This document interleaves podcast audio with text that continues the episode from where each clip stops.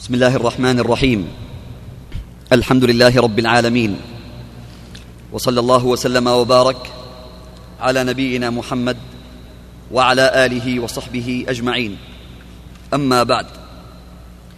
قال سماحة الشيخ عبد الله بن عبد العزيز بن باز رحمه الله تعالى. قال. قال سماحة الشيخ نعم.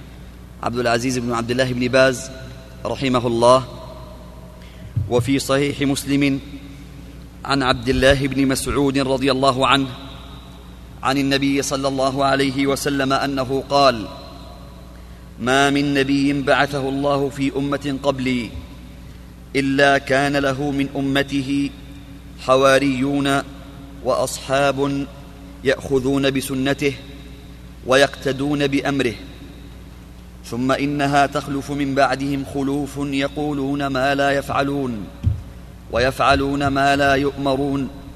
فمن جاهدهم بيده فهو مؤمن ومن جاهدهم بلسانه فهو مؤمن ومن جاهدهم بقلبه فهو مؤمن.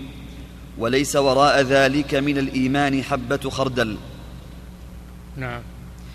وهذا الحديث مثل حديث أبي سعيد السابق. المتضمن الإنكار باليد ثم اللسان ثم القلب. فالخلوف التي تخلف بعد الأنبياء هذا حكمهم يأمرون بالمعروف وينهون عن المنكر ويعلمون أحكام الله ويجاهدون في ذلك باليد ثم اللسان ثم القلب.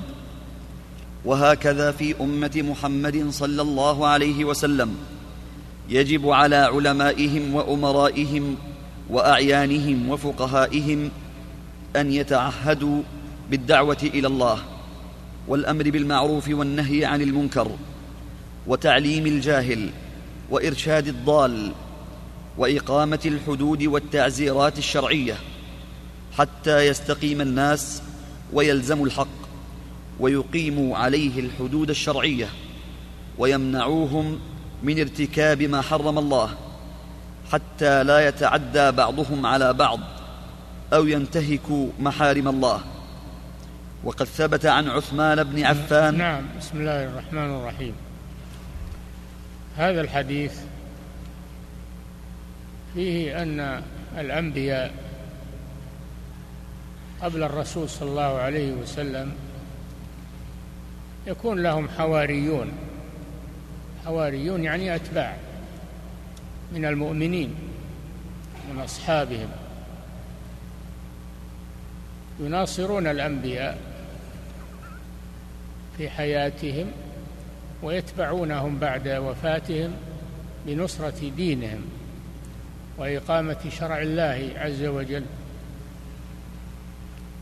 وهم خلفاء الرسل من العلماء ومن الأمراء. خلفاء الرسل يكونون من العلماء من ناحية العلم ومن الأمراء من ناحية السلطة. فيقومون بدين الأنبياء من بعدهم.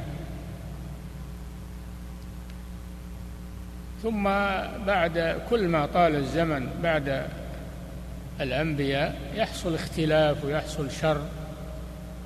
وتبذر بذور لأهل الشر. فالواجب على أتباع الأنبياء أن لا يستسلموا ويتركوا هؤلاء الأشرار يستطيلون ويغيرون دين الأنبياء بل الواجب المجاهدة الأمر بالمعروف النهي عن المنكر لأن الأمر بالمعروف النهي عن المنكر من الجهاد. من الجهاد. فالذي له سلطة يدفعهم باليد بالسلطة يغير ويزيل الشر ويقيم الحدود تعزيرات على المخالفين.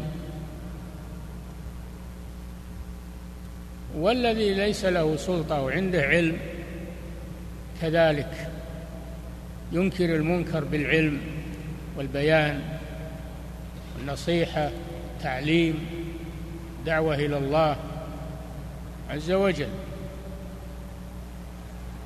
والذي ليس عنده سلطة ولا عنده علم ينكر المنكر بقلبه ينكر المنكر بقلبه ويكره المنكر وأهل المنكر ويبتعد عنهم. هذا موقف المسلمين عندما يحصل الاختلاف عندما يحصل الاختلاف والنزاع والشرور والفتن أهل أهل العلم وأهل الدين وأهل الصلاح لا يسكتون ولا يستسلمون يسمحون للشر ينتشر بل يقاومونه كل بجهده بيده بلسانه بقلبه. نعم. هذا الواجب في كل زمان وفي كل مكان. نعم. قال وقد ثبت عن عثمان بن عفان رضي الله عنه الخليفة الراشد الخليفة الراشد أنه قال إن الله يزع بالسلطان ما لا يزع بالقرآن ويروى عن عمر رضي الله عنه أيضا. نعم. هذا الأثر عن عثمان رضي الله عنه. صحيح. إن الله يزع يعني يدفع. يزع يعني يدفع بالسلطان ما لا يزع بالقرآن. القرآن فيه موعظة وفي تذكير وفي بيان لكن لا بد من سلطان ينفذ. لا بد من سلطان ينفذ ما في القرآن. أما وجود القرآن فقط من غير سلطان ومن غير دعوة ومن غير أمر بالمعروف والنهي عن المنكر وجود القرآن ما يكفي. ما نفعت التوراة والإنجيل في بني إسرائيل لما لم يكن هناك سلطان ينفذ. فلا بد من السلطان لا بد من ولي الأمر. والسلطان لا يحصل إلا بسمع وطاعة. ولا تقوم الجماعة إلا بسلطان يحكمها يقودها يحميها. لا بد من وجود السلطان يدفع الله به وبوجوده ما لا يدفع بوجود القرآن وحده. نعم. وهذا وهذا صحيح. فكثير من الناس لو جئته بكل آية لم يمتثل. هذا الكلام من عثمان رضي الله عنه كلام صحيح. أن الله يزع بالسلطان وولي الأمر. ما لا يزع بالقرآن من غير ولي أمر. نعم. من اللي ينفذ القرآن؟ من هو اللي ينفذه؟ إلا السلطان. نعم. لكن إذا جاءه وازع السلطان بالضرب والسجن ونحو ذلك أذعن وترك باطله من الناس من لا تؤثر فيه النصيحة ولا الموعظة ولا يقبل.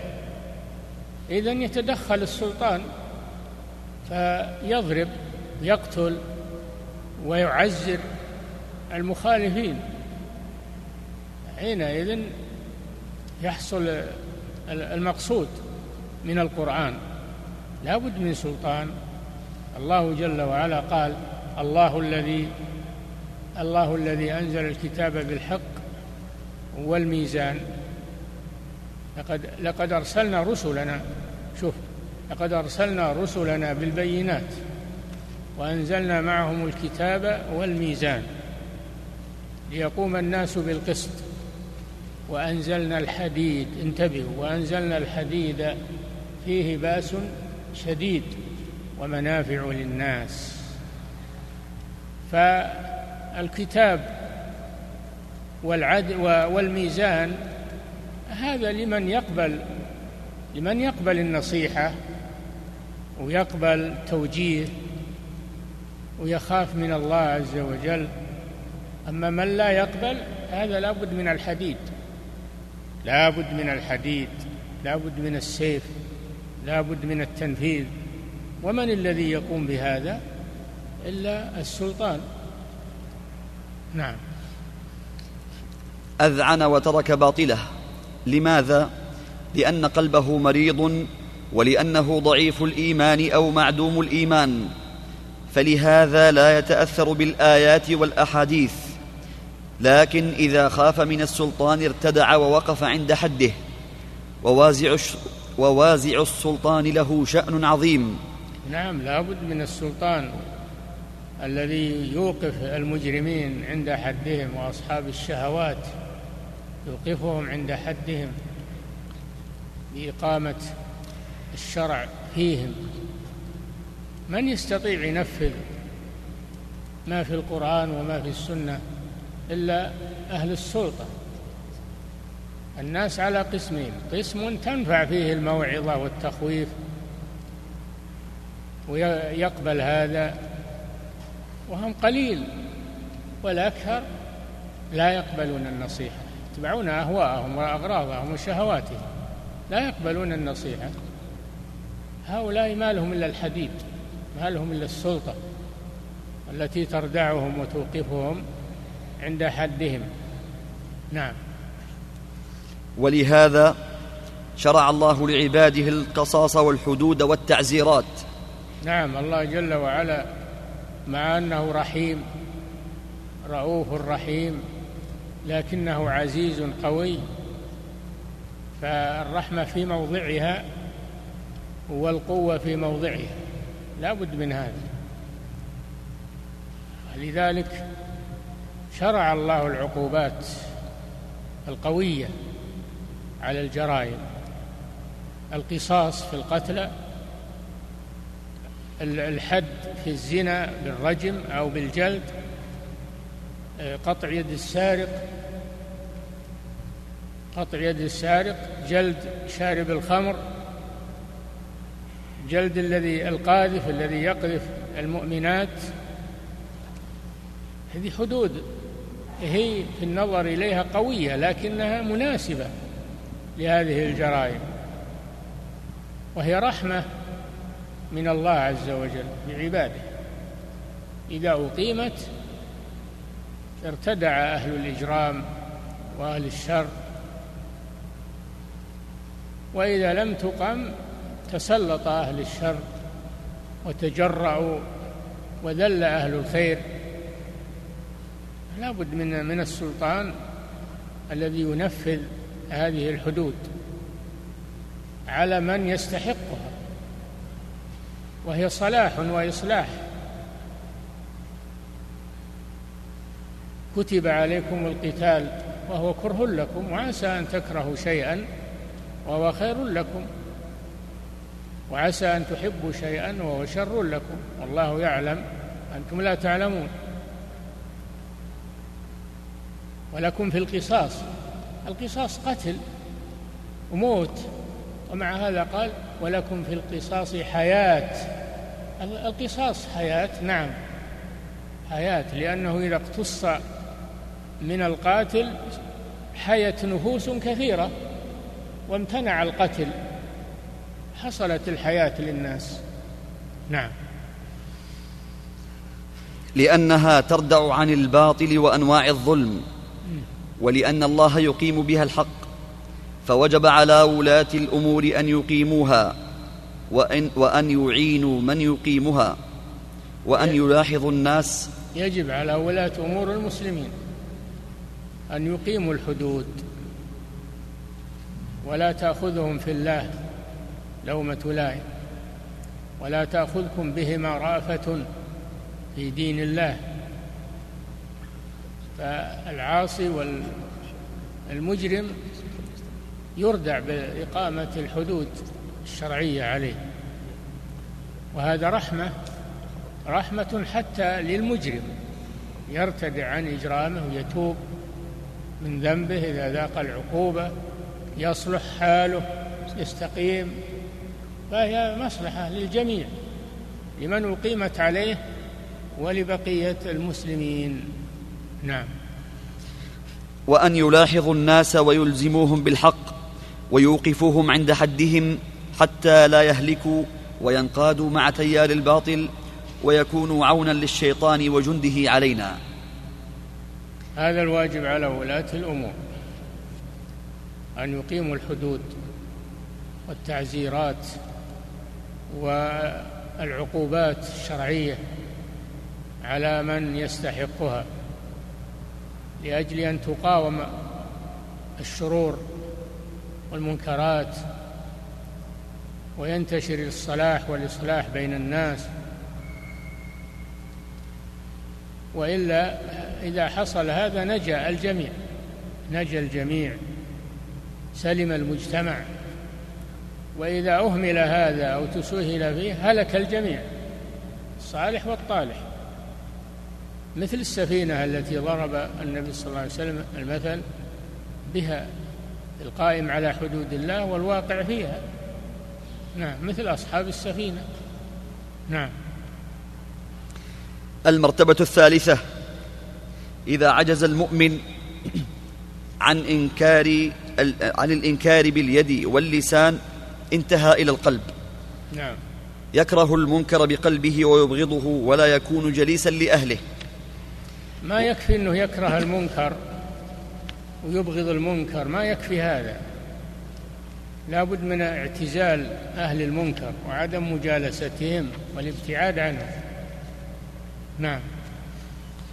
وروي عن عبد الله بن مسعود رضي الله عنه أنه قال له بعض الناس هلكت إن لم آمر بالمعروف وأنهى عن المنكر. فقال له رضي الله عنه هلكت إن لم يعرف قلبك المعروف وينكر المنكر. نعم المدار على القلب هو الأساس على القلب أن يكون فيه كراهة للمنكر ومحبة للمعروف. ينشأ عن هذا الفعل ينشأ عن هذا الفعل بأن تترك تغادر مكان المنكرات ولا تجالس أهلها. أن تنكر بلسانك تنصح تبلغ تدعو إلى الله تبين. وإذا كان لك يد سلطة تنكر بالسلطة تمنع هذا الشيء تعاقب عليه. نعم. قال هلكت إن لم يعرف قلبك المعروف وينكر المنكر فلا بد يا أخي أن تعرف المعروف بالتعلم والتفقه في الدين. إيه بماذا تعرف المعروف تنكر المنكر؟ بالتعلم. تتعلم العلم الشرعي. حتى تعرف ما هو المعروف وما هو المنكر. أما بدون علم تلتبس عليك الأمور فتظن المنكر معروفا والمعروف منكرا. إذا لم يكن عندك علم لا بد من تعلم العلم الشرعي. نعم. ولا بد أن تعرف المنكر بذلك ثم تقوم بالواجب من الأمر بالمعروف والنهي عن المنكر. فالتبصر والتفقه في الدين من علامات السعادة ودلائل أن الله أراد بالعبد خيرا كما في الصحيحين عن معاوية رضي الله عنه. يعني ما يتم الأمر بالمعروف ما يتم الأمر بالمعروف والنهي عن المنكر إلا بمعرفة ما هو المعروف وما هو المنكر. فإذا لم تعرف ما هو المعروف وما هو المنكر فإنك تخلط بين الأمور أو تنكر ما هو من المعروف أو تأمر بما هو من المنكر بالجهل. لا بد من العلم لا بد يتعلم الإنسان. ولا تكفي الغيرة ما تكفي الغيرة بدون ما بدون علم وبصيرة. لهذا قال جل وعلا أدعو إلى الله على بصيرة على بصيرة يعني على علم. هو بغيره فقط وحماس فقط. نعم. كما في الصحيحين عن معاوية رضي الله عنه عن النبي صلى الله عليه وسلم أنه قال من يرد الله به خيرا يفقهه في الدين. من يرد الله به خيرا يفقهه يعني يفهمه الدين ويعرفه بأحكام الدين فهذا فيه مدح للفقهاء الذين الذين يعرفون ما هو المعروف وما هو المنكر وأن الله أراد بهم خيرا. وبمفهوم الحديث أن من لم يتفقه في الدين فإن الله أراد به شرا. نعم. فإذا رأيت الرجل يتبع حلقات العلم ويسأل عن العلم ويتفقه ويتبصر فيه فذلك من علامات أن الله أراد به خيرا. إذا رأيت الرجل يحرص على تعلم العلم ويأخذه أين وجده في المحاضرات في الدروس في الخطب في قراءة الكتب النافعة؟ هذه علامة خير فيه. وإذا رأيت الرجل الجافي الذي لا يحضر الدروس ولا يحضر المحاضرات الدينية ولا يحضر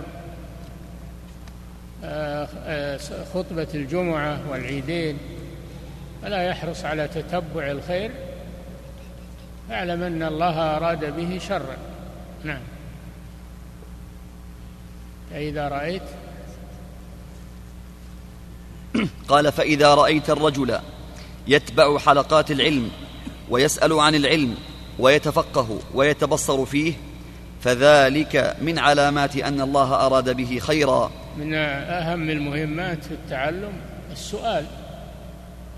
السؤال اسألوا أهل الذكر إن كنتم لا تعلمون. تسأل إذا أشكل عليك شيء ولا تأخذ برأيك وفكرك. وإنما تسأل ولا تسأل كل أحد. ما تسأل كل أحد. كل من ينتسب إلى العلم وكل لا. اسألوا أهل الذكر أهل الذكر وهم أهل العلم. إن كنتم لا تعلمون. نعم. فليلزم ذلك. وليجتهد ولا يمل ولا يضعف. وليجتهد ولا يمل من طلب العلم لأنه في خير. من, من سلك طريقا يلتمس فيه علما سهل الله له به طريقا إلى الجنة فلا تسأم. ولا شك أن طلب العلم أنه صعب. وشاق يحتاج إلى صبر يحتاج إلى متابعة يحتاج إلى طول مدة. أما الملول الذي ما يبي يأخذ العلم بساعة ولا بدقيقة ويمشي هذا ما يحصل شيء. يحتاج صبر. يحتاج إلى طول وقت يحتاج إلى اختيار العلماء الذين يستفيد منهم دينا قبل كل شيء يستفيد منهم الدين قبل كل شيء ثم يستفيد منهم العلم. نعم. يقول عليه الصلاة والسلام في الحديث الصحيح من سلك طريقا يلتمس فيه علما سهل الله له به طريقا إلى الجنة. من سلك طريقا يلتمس فيه علما. هذا يشمل السفر إلى العلماء ويشمل الحفظ الذي يقصد منه الفهم يقصد منه الفهم فيحفظ النصوص اولا ثم يقرأها على أهل العلم ليشرحوها له وهو قد حفظها. فيجتمع عنده لفظها ومعناها. ما يكفي لفظها يحفظ لفظها فقط لا. يفهم معناها أيضا. وهذا على أهل العلم. فكونه مثلا يحفظ ليقرأ على أهل العلم كونه يكتب كونه يسأل كل هذا من طرق العلم التي يسلكها الإنسان. حتى وهو جالس فهو قد سلك طريقا يلتمس فيه علما. ما دام جالس يشتغل بالتعلم فإنه يسلك طريق العلم ويفتح الله له به طريقا إلى الجنة. نعم. رواه الإمام مسلم في صحيحه. نعم. فطلب فطلب العلم له شأن عظيم ومن الجهاد في سبيل الله. نعم. ومن أسباب النجاة والدلائل على الخير ويكون بحضور, بحضور حلقات العلم ويكون بمراجعة الكتب المفيدة. بماذا يكون طلب العلم؟ انتبهوا بماذا يحصل العلم؟ بماذا يكون؟ لأنه التبس الأمر على الناس اليوم. صاروا يأخذون العلم عن الكتب والكتب فيها ما هو صحيح وفيها ما هو غير صحيح. حتى الصحيح قد لا يفهمه. ما يفهمه الإنسان بدون معلم. ومنهم من يأخذ العلم عن الفضائيات. هذه أخطر لأنها يدخلها من هب ودب من أهل الضلال وأهل الجهل وأهل يتكلمون في مسائل العلم بغير علم والعياذ بالله. ومنهم من يأخذ العلم عن الإنترنت وعن تسجيلات في الأشرطة وعن هذا كله ما يكفي. ما يكفي هذا؟ العلم ما يؤخذ إلا عن أهله ما يؤخذ إلا عن العلماء. تحمل العلم بالتحمل والرواية. ما هو بالقراءة فقط. نعم. ويكون بمراجعة الكتب المفيدة إذا كان ممن يفهمها. بمراجعة الكتب المفيدة. إذا كان انتبه لهذا الشرط ممن يفهمها. أما اللي ما يفهمها مشكلة لا. يضيع. نعم. ويكون بسماع الخطب والمواعظ ويكون بسؤال أهل العلم كل ذلك من الطرق المفيدة. كل ذلك من الطرق المفيدة التي من سلكها سهل الله له بها طريقا إلى الجنة. نعم. ويكون أيضا بحفظ القرآن الكريم وهو الأصل في العلم. فالقرآن رأس كل علم رأس كل علم وهو الأساس العظيم وهو حبل الله المتين وهو أعظم كتاب وأشرف كتاب وهو أعظم قائد إلى الخير وأعظم ناه عن الشر. فوصيتي لكل مؤمن ولكل مؤمنة العناية بالقرآن والإكثار من تلاوته والحرص على حفظه أو ما تيسر منه. مع التدبر والتعقل ففيه الهدى والنور. كما قال سبحانه إن هذا القرآن يهدي للتي هي أقوم. وقال عز من قائل وهذا كتاب أنزلناه مبارك فاتبعوه واتقوا لعلكم ترحمون. ويقول تبارك وتعالى أفلا يتدبرون القرآن أم على قلوب أقفالها؟ فعلينا أن نعنى بكتاب الله تلاوة وحفظا وتدبرا وتفقها وعملا وسؤالا عما أشكل. نعم أساس العلم ومنبع العلم هو القرآن الكريم. هو القرآن الكريم. فلا بد من تلاوته لا بد من حفظه اولا. حفظه إن أمكن أو حفظ ما تيسر منه. والإكثار من تلاوته حفظا أو قراءه من المصحف. هو لازم الحفظ. تقرأ من المصحف. لا لا بأس. وهذا لا يكفي. التلاوة وكثرة التلاوة ما تكفي بل لا بد من التدبر لمعانيه والرجوع إلى التفسير الصحيح من الكتب الصحيحة وعلى يد المفسرين الثقات وتفسير كما هو معروف. التفسير له أربع مصادر. المصدر الأول القرآن نفسه لأن القرآن يفسر بعضه بعضا. فيه المحكم وفيه المتشابه وفيه وفيه العام وفيه الخاص وفيه المطلق وفيه المقيد المقيد. فيفسر بعضه بعضا. هذا ما يعرفه إلا العلماء. تفسير القرآن بالقرآن ما يعرفه إلا العلماء. الأمر الثاني مما يفسر القرآن سنة الرسول صلى الله عليه وسلم. الأحاديث الصحيحة. لأن الله أمر الرسول أن يبين للناس. أنزل عليه القرآن ليبينه للناس. وقد بينه صلى الله عليه وسلم للناس. بين عليه الصلاة والسلام الأحاديث الصحيحة. فسر القرآن. الأمر الثالث تفسير الصحابة رضي الله عنهم. بعد السنة تفسير الصحابة.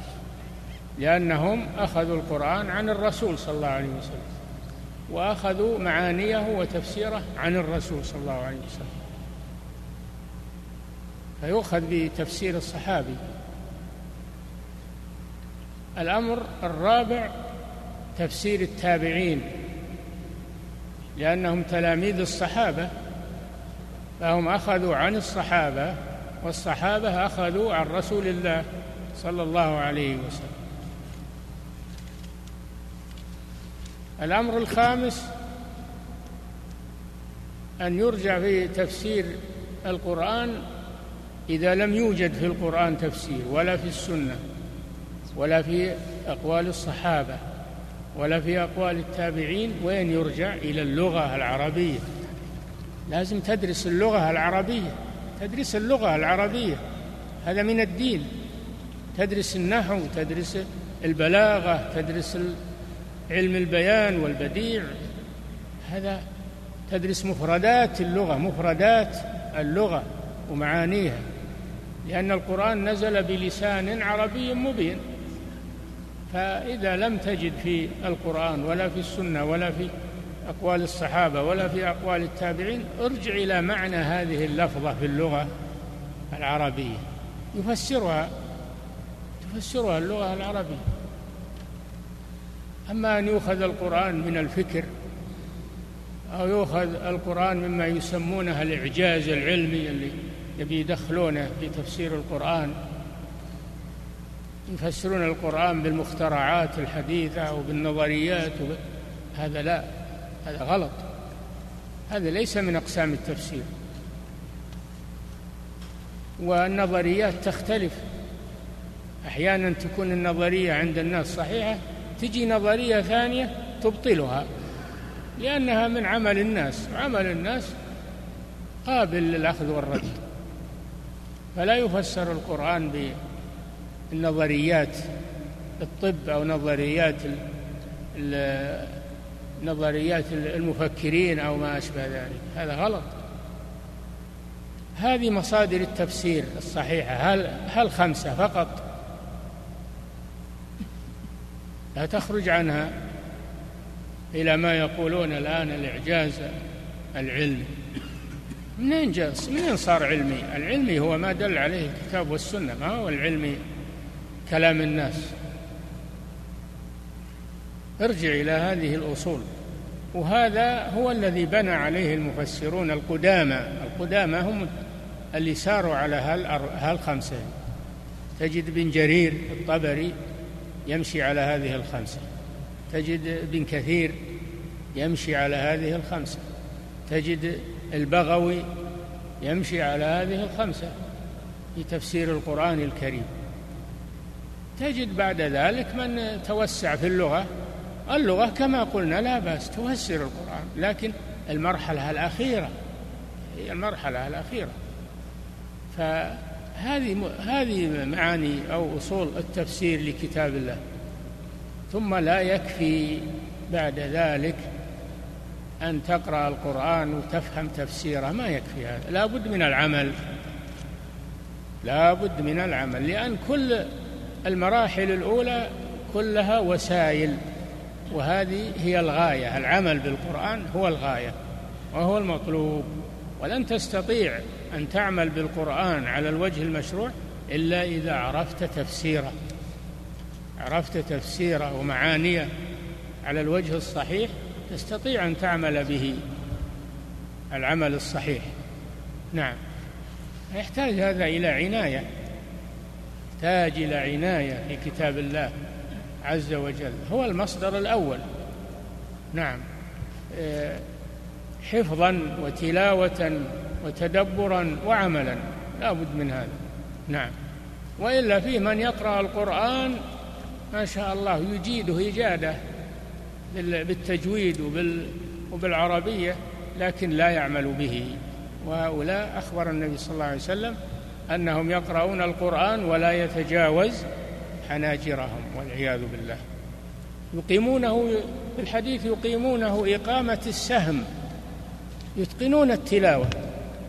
لكن ما يعملون به ولا يتجاوز حناجرهم إلى قلوبهم ما يدخل إلى قلوبهم. إنما يحترفون التلاوة ويصيرون قراء ويقرؤون في المحافل وفي ويتعجب الناس من أصواتهم لكن ليسوا من أهل القرآن ولا يتجاوز حناجرهم. نسأل الله العافية. ينبغي معرفة هذا الشيء. نعم. قال رحمه الله وهكذا سنة الرسول صلى الله عليه وسلم. هي الوحي الثاني وهي الأصل الثاني. أي نعم. بعد ما يتعلم القرآن يتعلم السنة لأنها السنة مفسرة للقرآن وهي الوحي الثاني بعد القرآن. قال جل وعلا وما ينطق عن الهوى إن هو إلا وحي يوحى. فدل على أن السنة وحي من الله وليست من الرسول صلى الله عليه وسلم. ما ينطق عن الهوى إن هو إلا وحي يوحى. قال صلى الله عليه وسلم ألا وإني أوتيت القرآن ومثله معه. مثله يعني السنة. نعم. وهي المفسرة لكتاب الله والدالة عليه. نعم. فعلى طالب العلم وعلى كل مسلم أن يعنى بذلك حسب طاقته وحسب علمه بالحفظ والمراجعة كحفظ الأربعين كحفظ الأربعين النووية وتكملتها لابن رجب خمسين حديثا. النووية وتكملتها خمسين حديث لابن رجب هذه فيها تتناول التوحيد والعقيدة وتناول الصلاة والزكاة. والصيام والحج أركان الإسلام. وتتناول الأخلاق الصدق الحث على الصدق والنهي عن الكذب وبيان آه، الأخلاق الطيبة. كل هذا موجود في الأربعين النووية. هي حافلة بالعلم. يحفظها الإنسان. مع الأسف كانت مقررة في الابتدائي. كانت الأربعين مقررة في الابتدائي. يحفظها الطلاب. ما يتخرجون إلا وهم يحفظونها يحفظون الأربعين النووي. حفظناه. كذلك يحفظوننا ثلاثة الأصول. يحفظوننا آه، آداب المشي للصلاة في الفقه. يحفظوننا كتاب التوحيد الشيخ محمد بن عبد الوهاب. يحفظوننا كشف الشبهات. كل هذا في الابتدائي أنا خابر الآن دورة في الابتدائي ما هم موجود. جاءوا ال ال ال التربويون جاء التربويون اللي يسمونهم التربويون الغربيون تولوا التدريس فمسخوا كل هذه الأمور. مسخوا كل هذه الأمور. وإن بقي شيء فهو اسم لا حقيقة ولا حول ولا قوة إلا بالله. فيجب أن يعاد التعليم كما كان. ينشأ عليه شباب الأمة. نعم. وهي من جوا... نعم. وهي من أجمع الأحاديث وأنفعها وهي من جوامع الكلم. يعني الأربعين. الأربعين النووية نعم. فينبغي حفظها للرجل. أعظم شرح لها وأنفع شرح لها شرح ابن رجب. جامع العلوم والحكم. هذا أعظم شرح للأربعين. نعم. وهي من جوامع الكلم فينبغي حفظها للرجل والمرأة نعم. ومن ذلك عمدة الحديث للحافظ عبد الغني المقدسي. عمدة الأحكام عمدة الأحكام. آه، ألفها الحافظ عبد الغني المقدسي الجماعيلي الحنبلي رحمه الله أخذها من الصحيحين أخذ حديثها من الصحيحين. نعم. على أبواب الفقه. صنفها على أبواب الفقه. نعم. كتاب جمع أربعمائة حديث وزيادة يسيرة. يعني عمدة الأحكام. نعم. يسيرة من أصح الأحاديث في أبواب العلم. نعم. فإذا تيسر حفظها فذلك من نعم الله العظيمة. نعم. وهكذا بلوغ المرام للحافظ بلوغ المرام للحافظ بن حجر. من أدلة الأحكام على أبواب الفقه أيضا. لكن ما هم مثل العمدة. العمدة مقتصرة على الصحيحين. أما بلوغ المرام ففيه من الصحيحين وغيرهما من دواوين السنة. فيها الصحيح وفيها الحسن وفيها الضعيف في البلوغ. فهو جمعه على أبواب الفقه أيضا. نعم.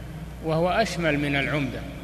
وأكثر أحاديث من العمدة وأشمل لكن لم يلتزم بالصحيحين نعم. كتاب عظيم مختصر ومفيد محرر فإذا تيسر لطالب العلم حفظه حفظه. فذلك خير عظيم. إي نعم. هو سهل حفظه سهل ما هو ما هو صعب. نعم.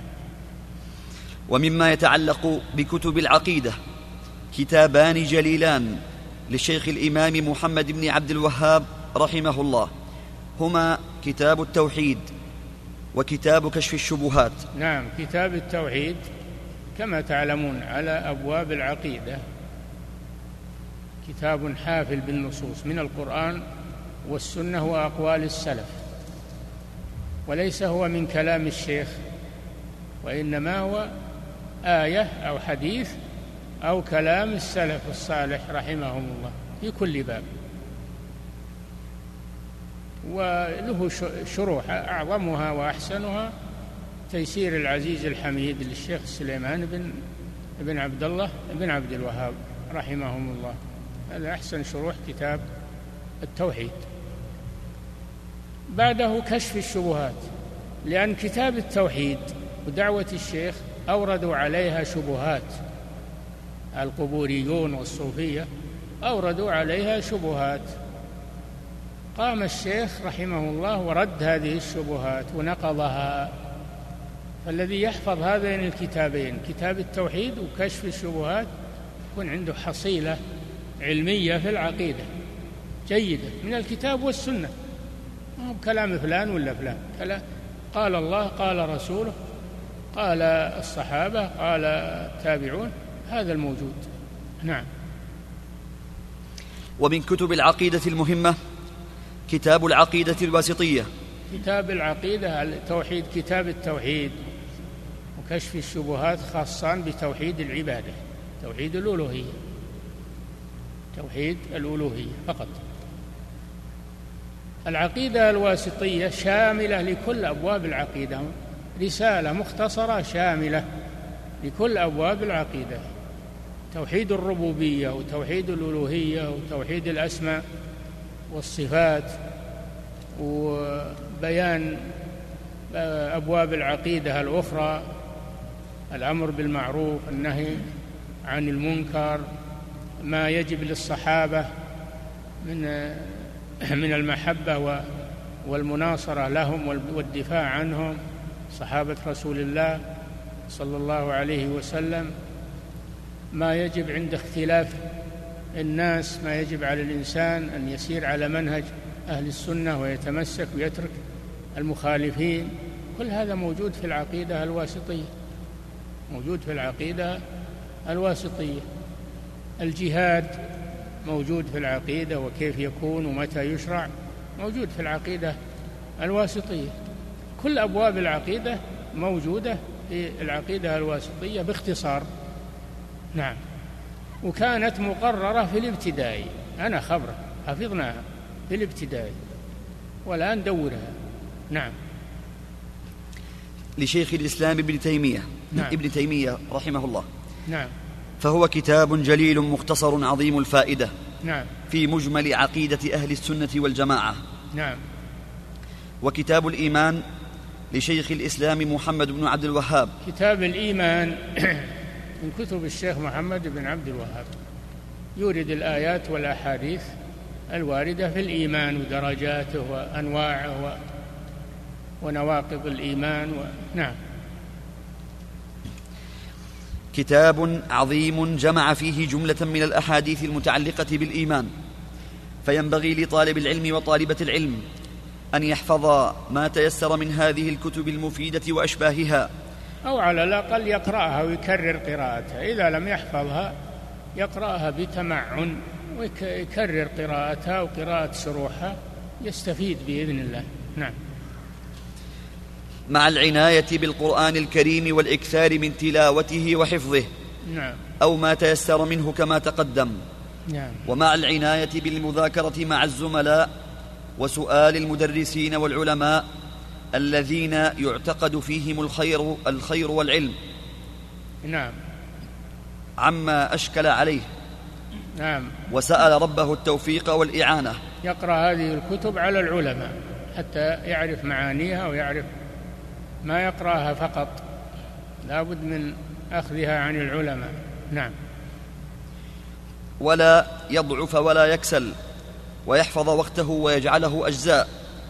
جزء من يومه وليلته لتلاوة القرآن الكريم وتدبره وجزء لطلب العلم والتفقه في الدين وحفظ المتون ومراجعة ما أشكل عليه وجزء لحاجته مع أهله وجزء لصلاته وعبادته وأنواع الذكر والدعاء ومما يفيد طالب العلم. نعم الإنسان المسلم يجزئ وقته يجعل شيء لحفظ القرآن وتلاوته وتدبره وجزء لحفظ الأحاديث وجزء لسؤال أهل العلم وحضور مجالس الذكر وجزء مع أهله وأهل بيته وإصلاح شؤونهم وقضاء حوائجهم وجزء للراحة للراحة بدنه. وجزء لقيام الليل. ويجزئ وقته ما ينهمك مع بعض الأشياء ويترك الأشياء الأخرى. ما يترك. ما يخلي كل وقته لدراسة القرآن ويخلي السنة النبوية.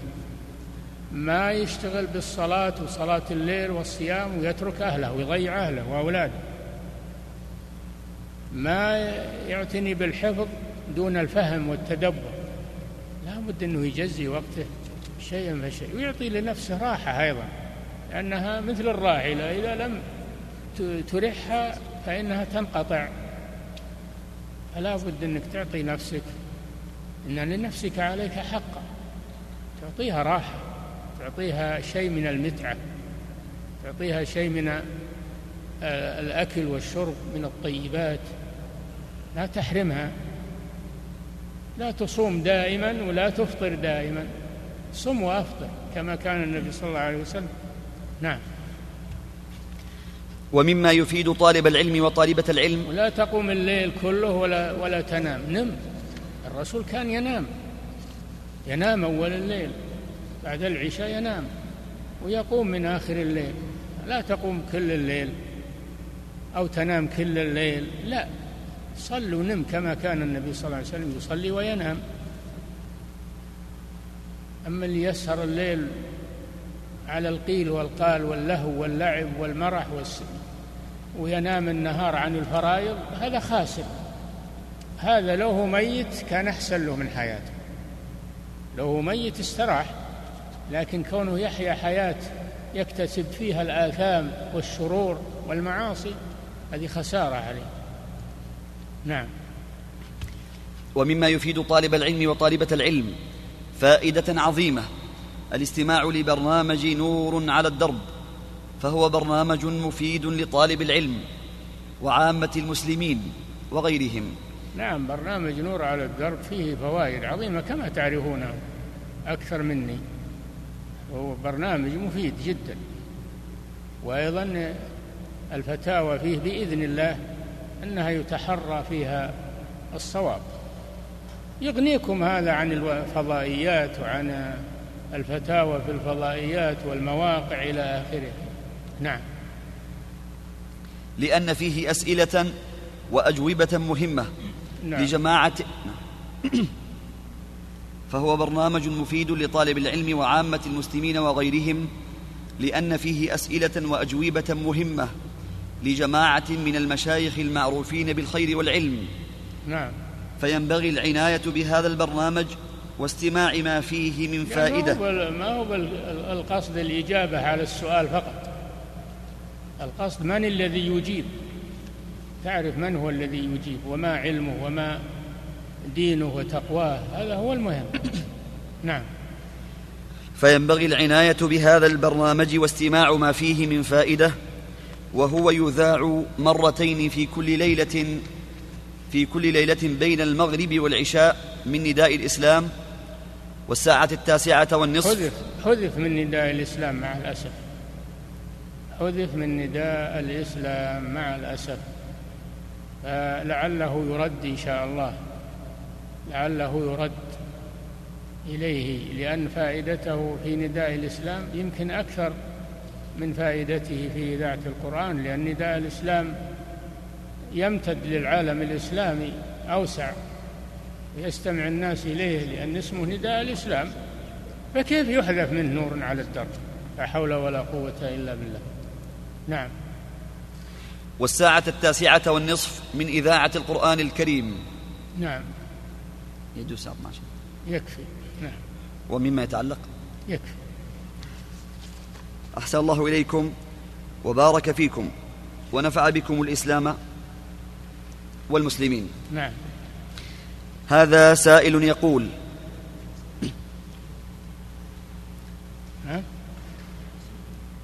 نعم نعم. اقرأ أعد الأسئلة.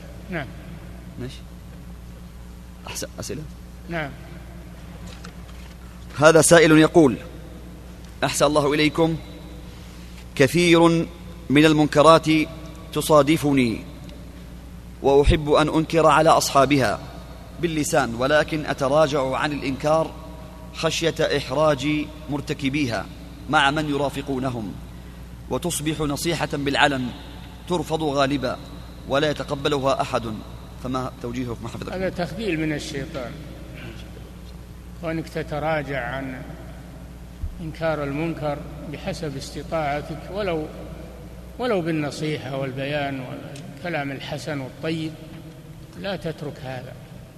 ولا تقول آه، بناصح كل واحد على حدة وأستر و... لا.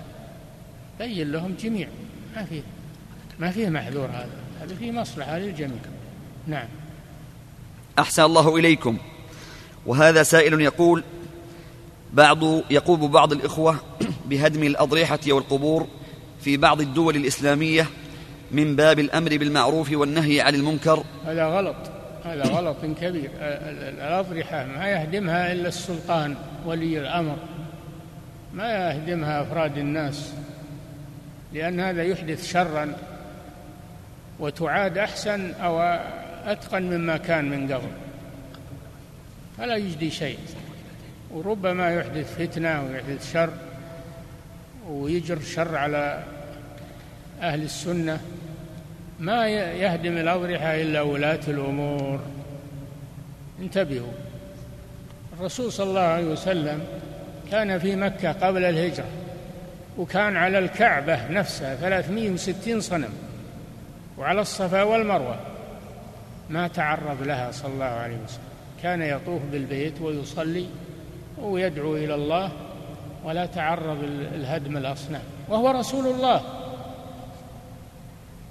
لأنه ما له سلطة. فلما هاجر إلى المدينة وفتح الله مكة على يديه أول شيء بدأ به ما هو؟ هدم الأصنام تكسير الأصنام. لما صار له سلطة وقوة صار سلطان عليه الصلاة والسلام ولا أحد يعترض عليه هدمه.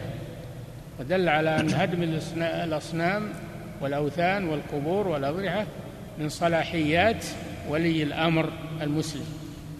نعم. أحسن الله إليكم. يقول السائل ما قولكم في من يقول بأنه يأخذ علمه فقط من الكتاب والسنة ولا يأخذ من العلماء محتجا بأن الرسول قد أكمل وأتم الدين؟ سبحان الله. الرسول أمر بطلب العلم على أهل العلم. الله جل وعلا قال فاسألوا أهل الذكر إن كنتم لا تعلمون. الرسول قال من سلك طريقا يلتمس فيه علما. ما قال إنه يجلس في بيته ويقرأ الكتب؟ لازم يسلك الطريق إما بالسفر إما بالجلوس مع أهل العلم وحلق الذكر.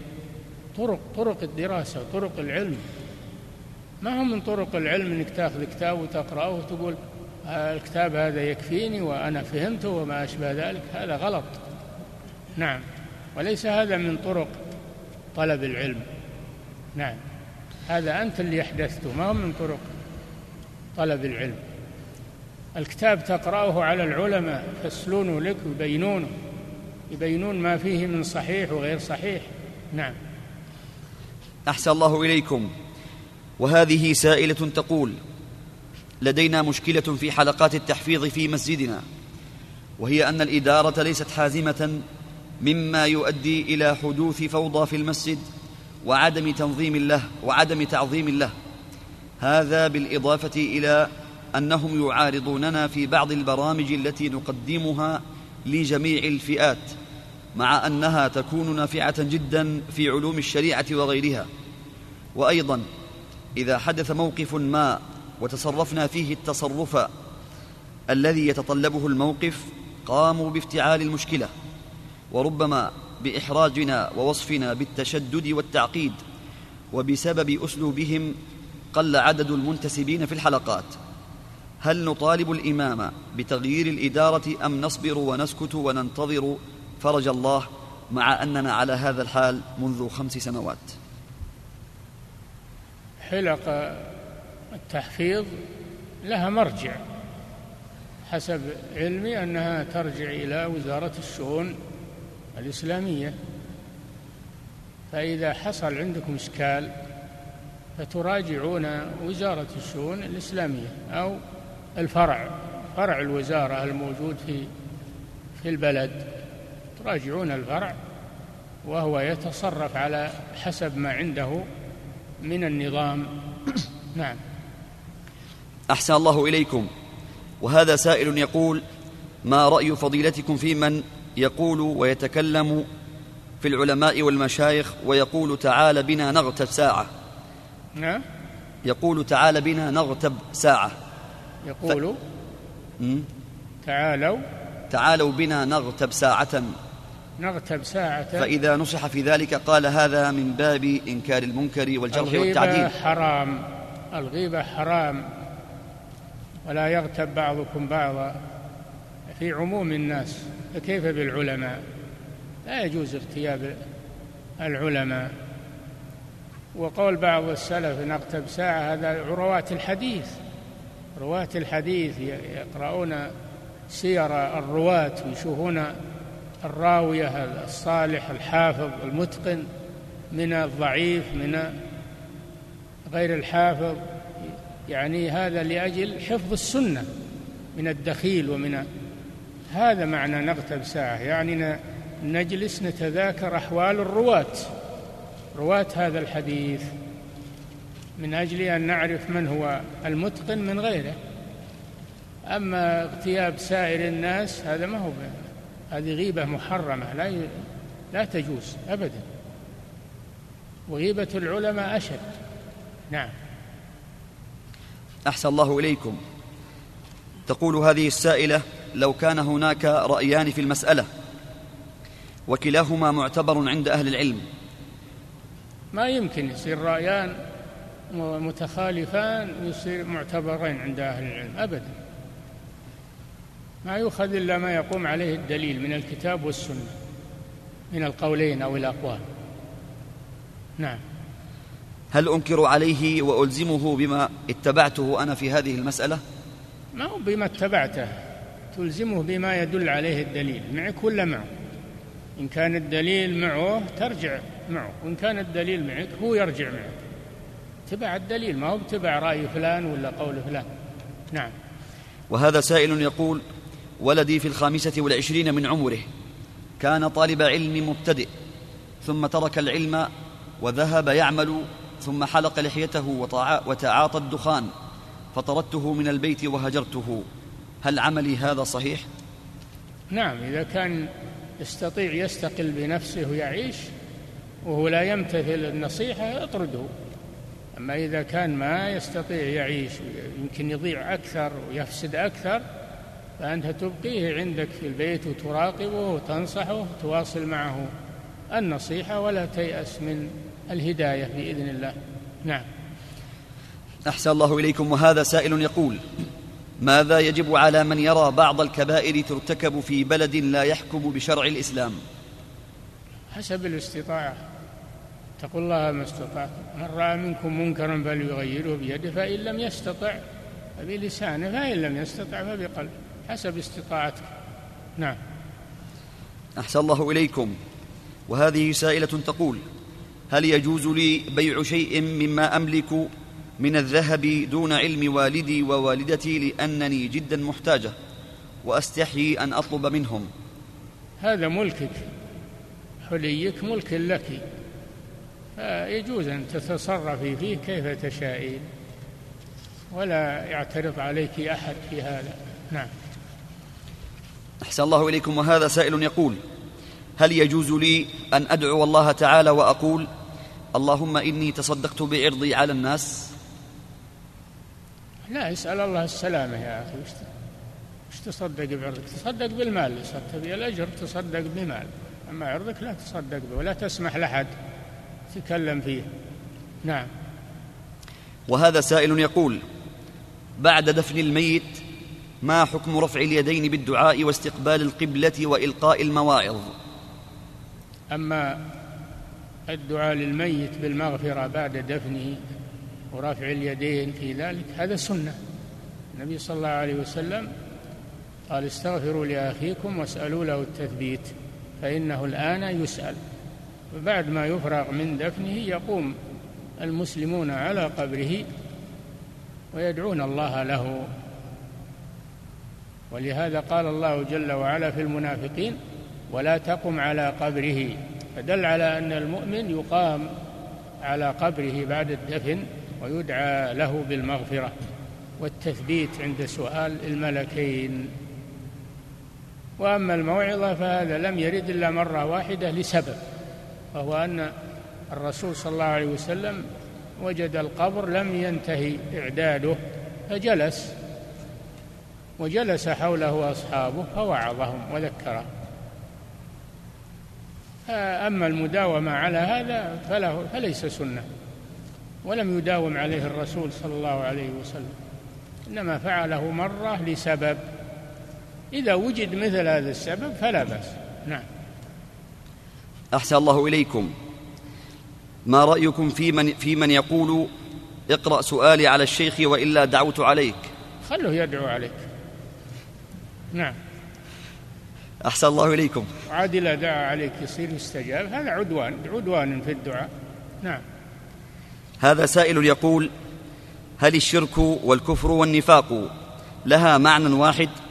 أم مثل الإسلام والإيمان إذا اجتمع افترقا وإذا افترقا اجتمعا؟ الشرك إيش؟ أم يك... هل الشرك والكفر والنفاق؟ الشرك هو عبادة الله وعبادة غيره معه. هذا الشرك. أما الكفر فهو الكفر بالله لا يعبد الله يكفر بالله. يعبد غير الله والأصنام ولا يعبد الله. هذا كافر. ففي فرق بين الشرك والكفر. بينهما عموم وخصوص مطلق. فكل مشرك فهو كافر وليس كل كافر مشركا نعم قد يكون ملحد لا يؤمن بالله أصلا.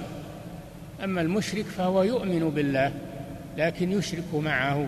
وما يؤمن أكثرهم بالله إلا وهم مشركون. أما الكافر فهذا يجحد وجود الله يجحد وجود الخالق. يقول الأمر للطبيعة و ولا وليس هناك خالق تعالى الله عما يقولون.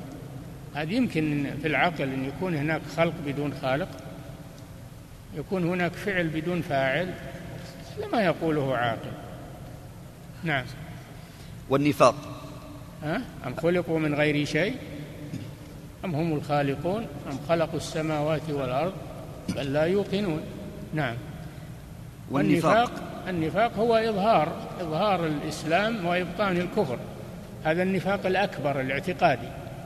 أما النفاق الأصغر فهو يصدر من بعض المؤمنين. يكون عنده كذب يكذب يكون عنده آه، يعني إذا حدث كذب وإذا وعد أخلف وإذا اؤتمن خان وإذا خاصم فجر هذه من خصال المنافقين. لكن صاحبها لا يكون منافقا خالصا. يكون فيه خصلة من النفاق. مؤمنا يكون مؤمنا فيه خصلة من النفاق حتى يدعها. نعم. يقول في سؤاله هل يكون الشرك والكفر والنفاق إذا اجتمعا كالإسلام والإيمان إذا اجتمع افترقا وإذا افترق اجتمع؟ لا لا, لا وش يجيب هذا هذا؟ تضادان نعم. أحسن الله إليكم. وهذا سائل يقول رجل طلق زوجته قبل أربعة أيام طلقة واحدة. هل يجوز له أن يراجعها الآن أو عندما تنتهي العدة أو قبل انتهاء العدة؟ يذهب إلى المحكمة الشرعية ويسأل القاضي يشوف الطلاق إيش نوعه وايش أسبابه ويحضر الزوجة يسألها وش اللي صاير. لابد من هذا يعني المسألة على طول بس. نعم. وهذا سائل يقول إذا كانت مكتبة المسجد فيها كتب لأهل البدع والضلال فهل يجوز لي أخذها وإتلافها علما بأنها مكتبة عامة للمصلين؟ لا أنت ما تتصرف لكن إذا رأيت فيها كتب ضلال وكتب فأنت تكلم إمام المسجد المسؤول عن المكتبة. تكلم المسؤول عن المس... عن المكتبة. لإخراج هذه الكتب. أما أنت ما تتصرف فيها. نعم.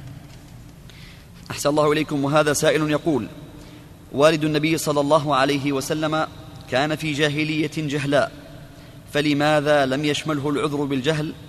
فقد قال فيه صلى الله عليه وسلم أبي وأبوك في النار. لأن أهل الجاهلية بلغتهم دعوة الأنبياء. دعوة إبراهيم ودعوة الأنبياء بلغتهم. دعوة المسيح أكثرهم نصارى أكثرهم نصارى وفيهم يهود وفيهم بلغتهم دعوة الأنبياء. فقامت عليهم الحجة. نعم.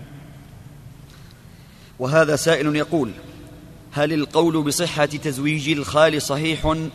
وما هو دليل القائلين بذلك؟ إيش؟ هل القول بصحة تزويج الخال صحيح؟ وما هو دليل يعني. كون الخال يتولى العقد يصير ولي؟ لا. الولي هو العاصب العصبة. الولاة في العقد هم العصبة. الأب ثم الجد ثم الابن ثم ابن الابن ثم الأخ الشقيق ثم الأخ لأب. الأخ لأم ما يدخل ما له ولاية؟ لأنه من ذوي الأرحام. الخال ما يدخل لأنه من ذوي الأرحام. فلا يصح عقد الخال ولا عقد الأخ لأم ولا عقد الجد لأم ما يدخل أيضا لأنه من ذوي الأرحام. ما يكون الوالي إلا من العصبة. نعم. وهذا سائل يقول ما الفرق بين الذنوب والسيئات؟ هي الذنوب هي السيئات. ما بينهم فرق. نعم. وهذا سائل يقول ما المقصود بأن بني إسرائيل كانت فتنتهم في النساء قال النبي صلى الله عليه وسلم اتقوا الدنيا واتقوا النساء. إيش؟ ما المقصود بأن. بني إسرائيل كانت فتنتهم في النساء؟ فقال النبي المقصود إن أننا نأخذ على يد النساء ما نتركهن يعمل ما يشاء. الرجال قوامون على النساء يقوم على المرأة ويحفظها من تبرج من الخروج من السفر بدون محرم من لأنه قيم عليها يحفظها ولا يهملها. يعطيها الحرية كما يقولون. هذه ما هي بحرية هذه رق. ما هي بحرية الحرية بالإسلام وعبادة الله وحده وتجنب المحرمات. هذه الحرية. نعم. وهذا سائل يقول هل عقيدة الخوارج سلفي هل عقيدة الخوارج سلفية في توحيد العبادة والأسماء والصفات؟ أخي لا تسأل عن هذا وش تبي بالخوارج؟ عافاك الله منهم. الخوارج ضلال وبعض العلماء يكفرهم بعضهم يضللهم. ولا ندخل في هالأمور هذه. نعم. أسأل عن عقيدة السلف إذا كنت تريد الخير وتريد. لا تسأل عن عقيدة الخوارج أسأل عن عقيدة السلف لأجل أن تتبعها. نعم. أحسن الله إليكم. وهذه سائلة تقول ذهبت في شهر رمضان إلى العمرة وعندما انتهيت لم أقصر شعري إنما قطعت شعرة واحدة بيدي ثم لبست النقاب فماذا علي؟ يعني ولا تسألين إلا, إلا بعد سنة وبعد سنين. المفروض أنك سألتي في الحال ما تكفي الشعرة. تجمع شعرها تجمع شعرها وتقص من رؤوسه قدر أنملة. ما يكفي شعرة واحدة. فأنت لم تقصري إلى الآن. لم تقصري إلى الآن. واجب عليك تقصير الآن من جميع من رؤوس الشعر من جميع رؤوس الشعر على قدر أنملة. وإذا كان حصل جماع في هذه الفترة عليك فدية تذبحين فدية في مكة وتوزعينها على الفقراء. وإذا ما حصل جماع الحمد لله العمرة تتم و... وأتيت ب... ب... بالنسك. نعم ولو بعد مدة. نعم. أحسن الله إليكم وهذا سائل يقول في بلدتنا مسجد صغير تقام فيه الجمعة ولكن يبعد عنا كيلو متر والآن نريد بناء جامع كبير وسط البلدة وسيغلق المسجد الصغير فهل, علي فهل علينا إثم علما بأننا في بلدة صغيرة. ما هو بالأمر لكم يا أخي؟ تأسيس الجوامع يرجع فيه إلى المحاكم إلى الإفتاء. لازم من أخذ إذن شرعي من المحكمة الشرعية أو إذا لم تقم المحكمة بذلك إلى دار الإفتاء. ينظر فيه كون لجنة كونون لجنة وينظرون في الواقع وينظرون في المبررات والأسباب. هذا المسألة كل من بغى يأسس جامع. لا هذه فوضى.